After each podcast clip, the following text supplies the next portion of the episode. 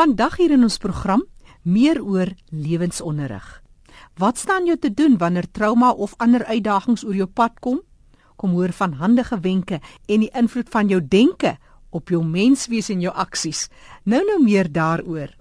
Ons hoor ook van die stigma wat in Afrika kleef met epilepsie en dit is slegs deur bewusmaking wat ons die grense van stigmatisering vir sekere uitdagings en gestremdhede kan afbreek. Kom ons sluit eers aan by Fanie De Tooy. Hallo Fanie.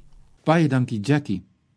In vandag se program kyk ons na 'n interessante onderwerp, naamlik lewensonderrig. Nou ek gaan gesels met Anne Marie Roswee hieroor om meer te vertel oor hierdie onderwerp lewensonderrig. Welkom by RSC Anne Marie.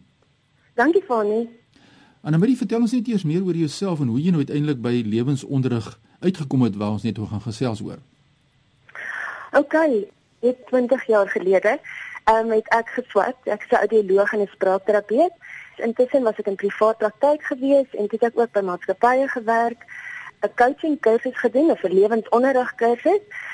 Ek het net gevoel ek wil 'n groter impak maak op meer mense se lewens en om mense te help om uitdagings in hulle lewe te hanteer en om vorentoe te beweeg en dit is waar ek nou is, waar ek my tans beleef.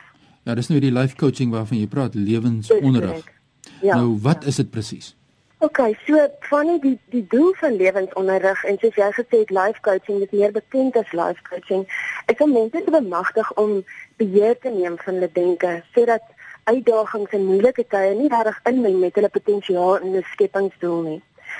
Sodra daar 'n verandering in 'n persoon se lewe plaasvind of daar spesifieke uitdagings is, kan lewensonderrig help om duidelikheid te kry oor wat 'n persoon wil hê, die opsies wat beskikbaar is en ook wat gedien word om daar uit te kom. So dis 'n proaktiewe proses met die doel om die persoon te skuif van waar hy of sy wil wees, um op van waar hulle is tot waar hulle wil wees. Dis 'n ongelooflike positiewe proses wat gefokus is op oplossings en nie op die trauma wat die probleem veroorsaak het nie. Die proses daag die individu uit om krities te dink en nie net bang of kwaad of oorweldig of hulpeloos te voel met al daai emosies wat mens voel wanneer mens half ontmagtig voel nie. Ehm um, en dit werklik 'n proses waarin die individu eienaarskap van sy of haar lewe neem. Ehm um, ek neem baie keer die proses, dis 'n proses van wakker word.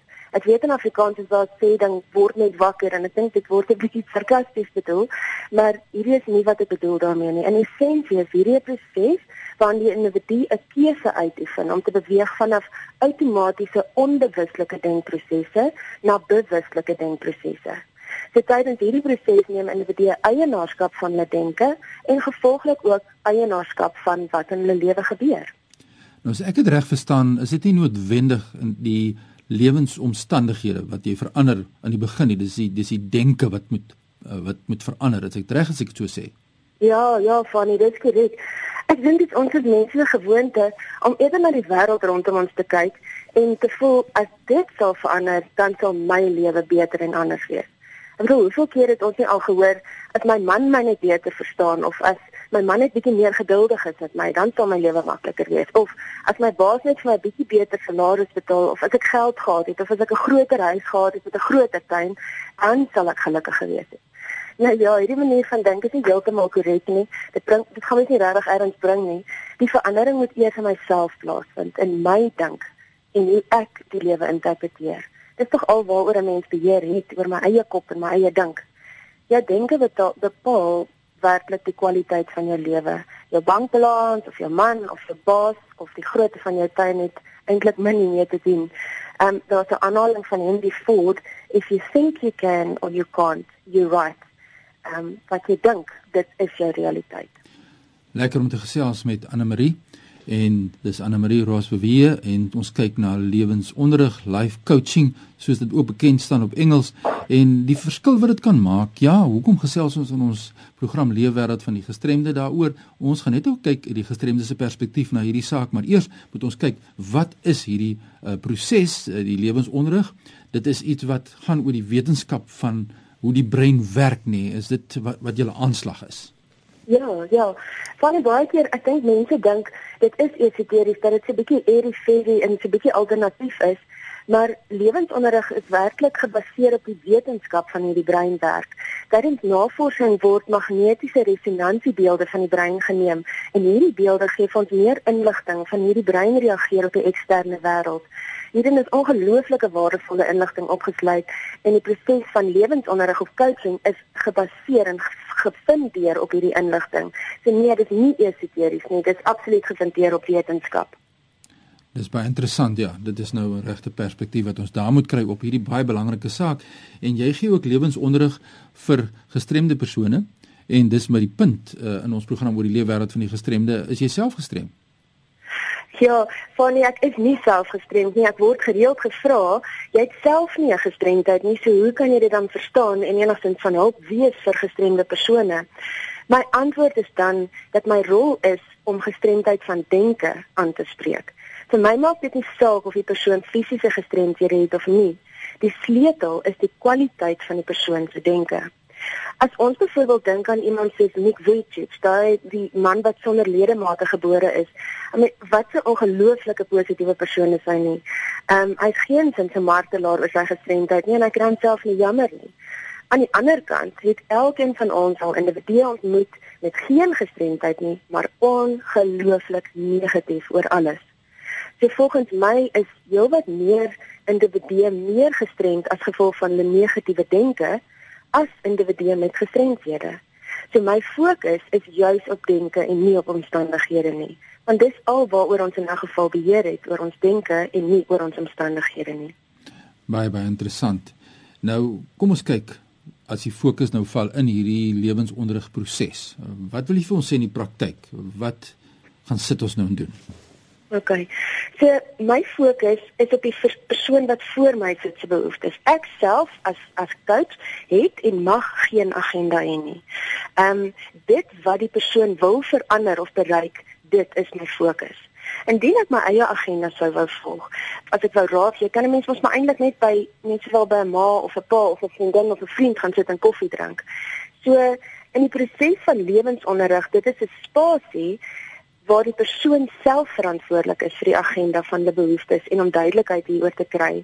Die afrigter of die coach is verantwoordelik om goeie kwaliteit vrae te vra, om die persoon te ondersteun en dan ook baie belangrik verantwoordbaar te hou vir die besluite wat geneem word. Ek was in onlangs in 'n argument betrokke of in 'n gesprek betrokke met iemand oor die profiel van mense met gehoorverlies. En dis in my eie geval iemand met gehoorverlies. Iemand het gesê dat mense met gehoorverlies onttrek en hulle kom nie na vore nie, dit is deel van hulle profiel en deel van hulle karakter. Toe sê ek dit is 'n baie gevaarlike ding om te sê.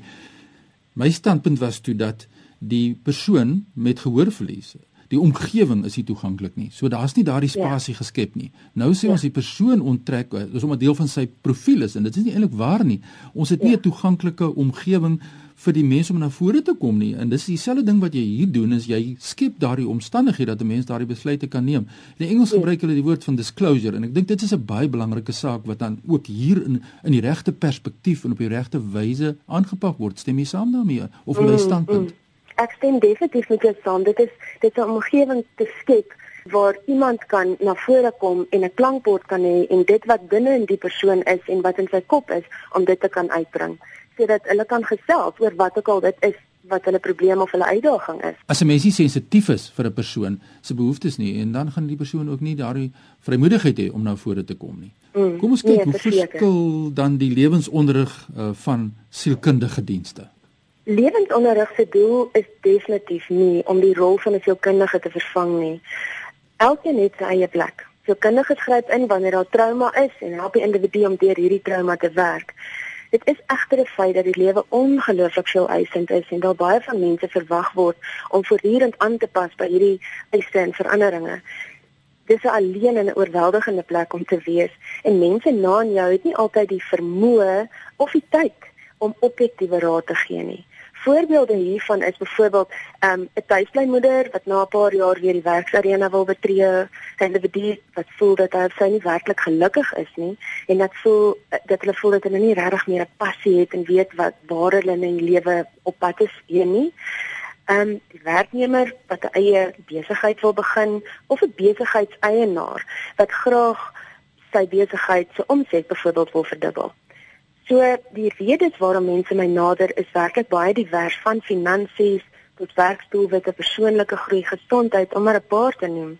Jy kan sien dat hierdie wel uitdagings is, maar dat dit nie werklik met trauma gepaard gaan nie. Sodra ek agterkom dat daar dieper liggende trauma betrokke mag wees soos depressie of persoonlikheidsafwykings, sal ek verseker die persoon dadelik na 'n sielkundige of 'n psigiatër toe verwys.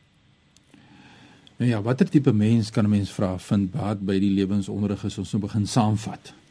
Hmm. Veel van die in werklikheid almal. Ehm um, daar is egter een voorvereiste.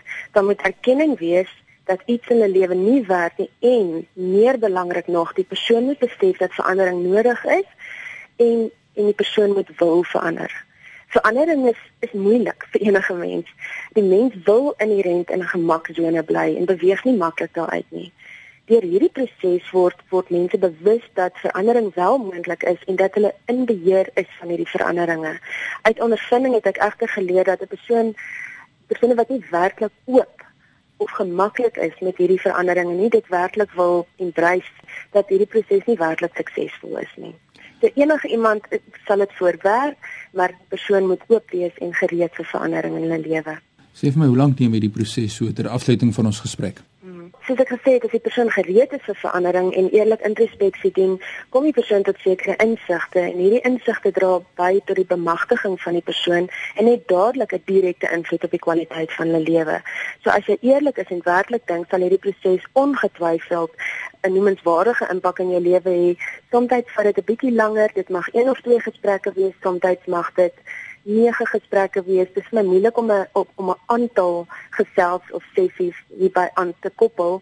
Dit hang af van persoon tot persoon en wat die uitdaging in hulle lewens is. Dit was nou 'n baie interessante gesprek oor hierdie life coaching, hierdie lewensonderrig en jy kan gerus vir Anne Marie Roswewe skakel. Waar kry jy aan die hande as jy meer wil weet oor hierdie saak? Waar kry jy vir jou aan die hande, Anne Marie? Ehm um, van my telefoonnommer is 083 296 2534. So hulle is welkom om vir my um te skakel of um e-posadres is anamarie@mindskillscoach.co.za.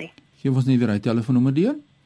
083 296 2534.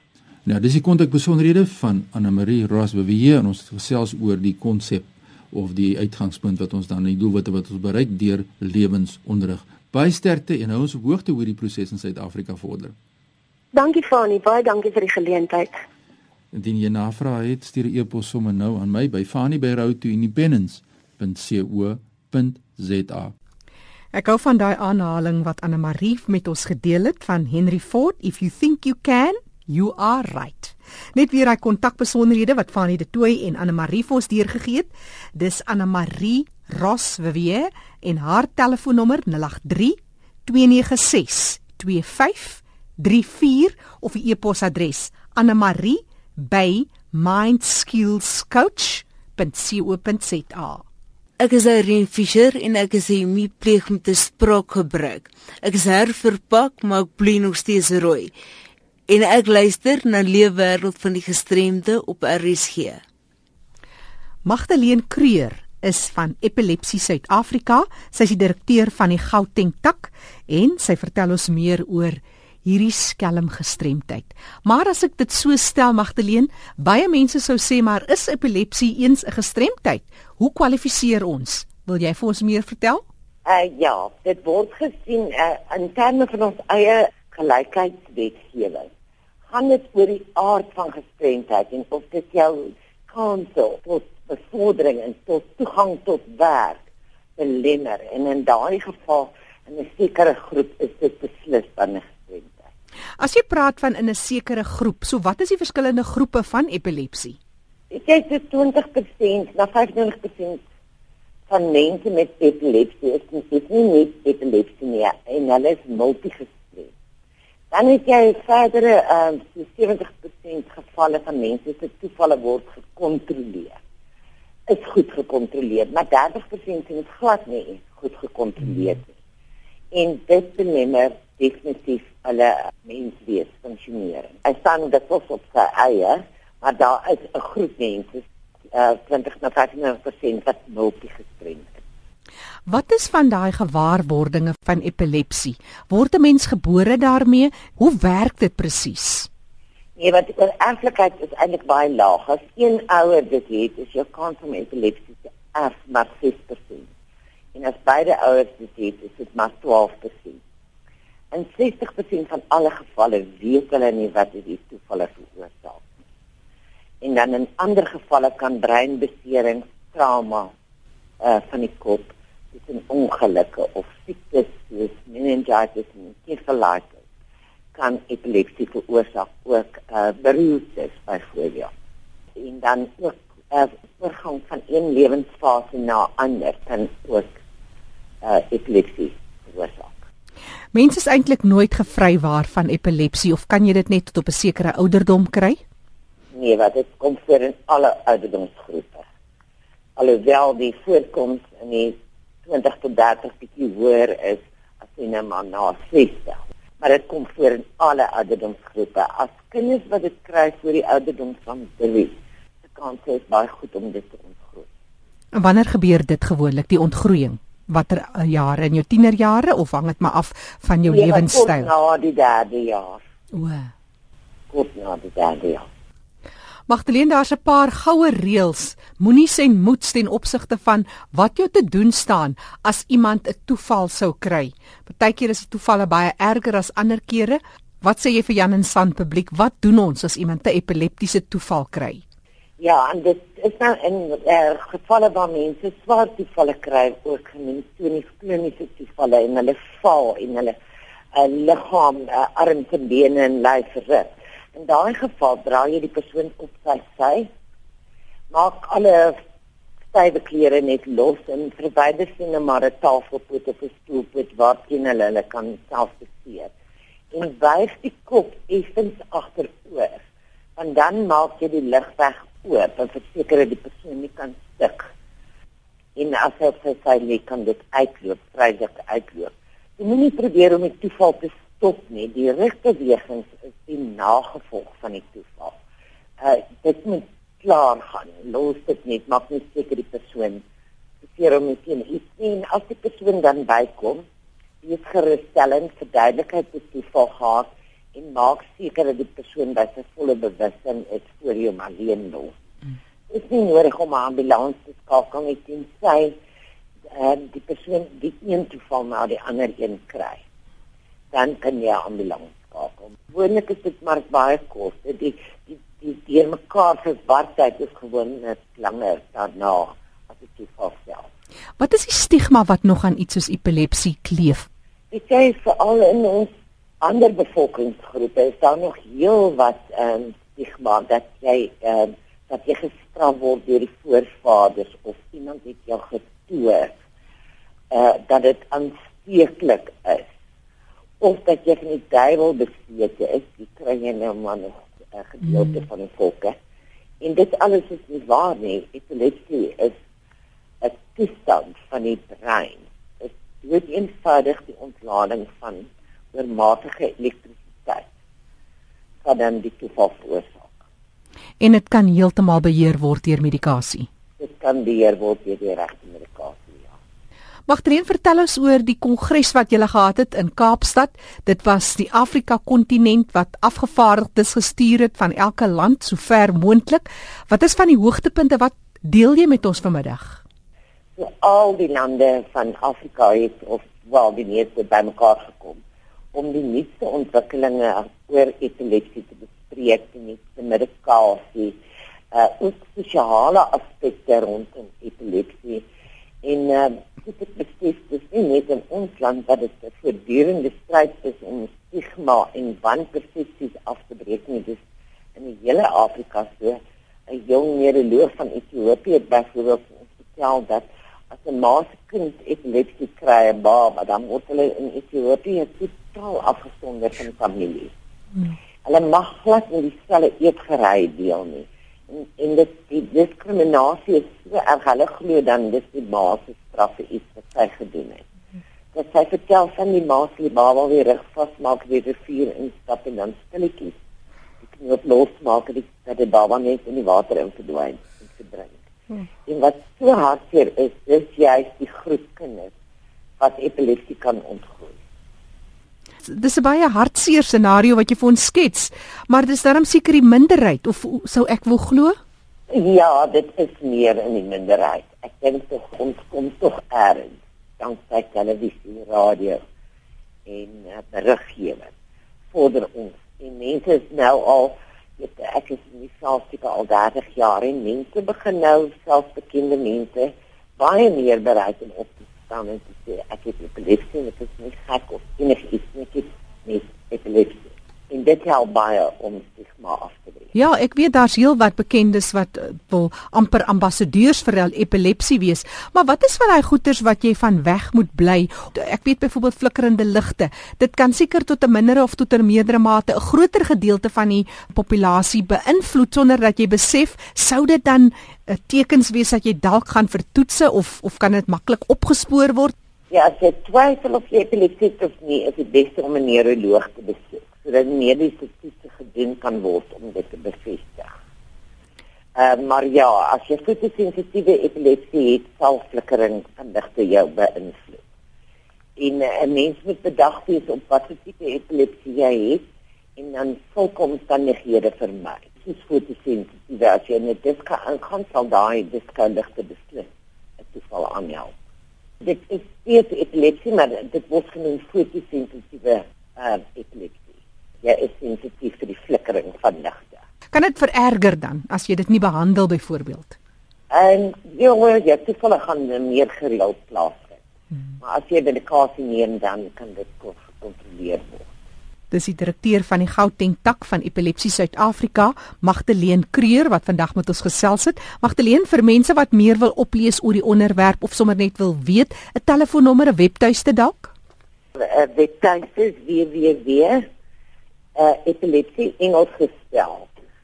Dat org org tot dit a en dan telefoonnommer uh, kan hulle skakel 086 037 4537 Ek wil dit net herhaal, daai kontakbesonderhede gemaak het draai op hulle webtuiste www.epilepsie, dis die Engelse ene epilepsie.org.za of skakel die volgende telefoonnommer 086 0891104537.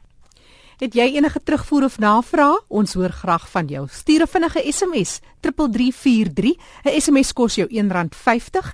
Ek is Jackie January en hoor graag van jou. Mede-aanbieder in die Kaap is Fanie De Tooy. Onthou jy kan ook weer gaan luister na hierdie insetsel van Leefwêreld van die Gestremde op ons webtuiste erisg.co.za. Gemaak 'n draai op potgooi en soek vir Leefwêreld van die Gestremde. Groete tot 'n volgende keer.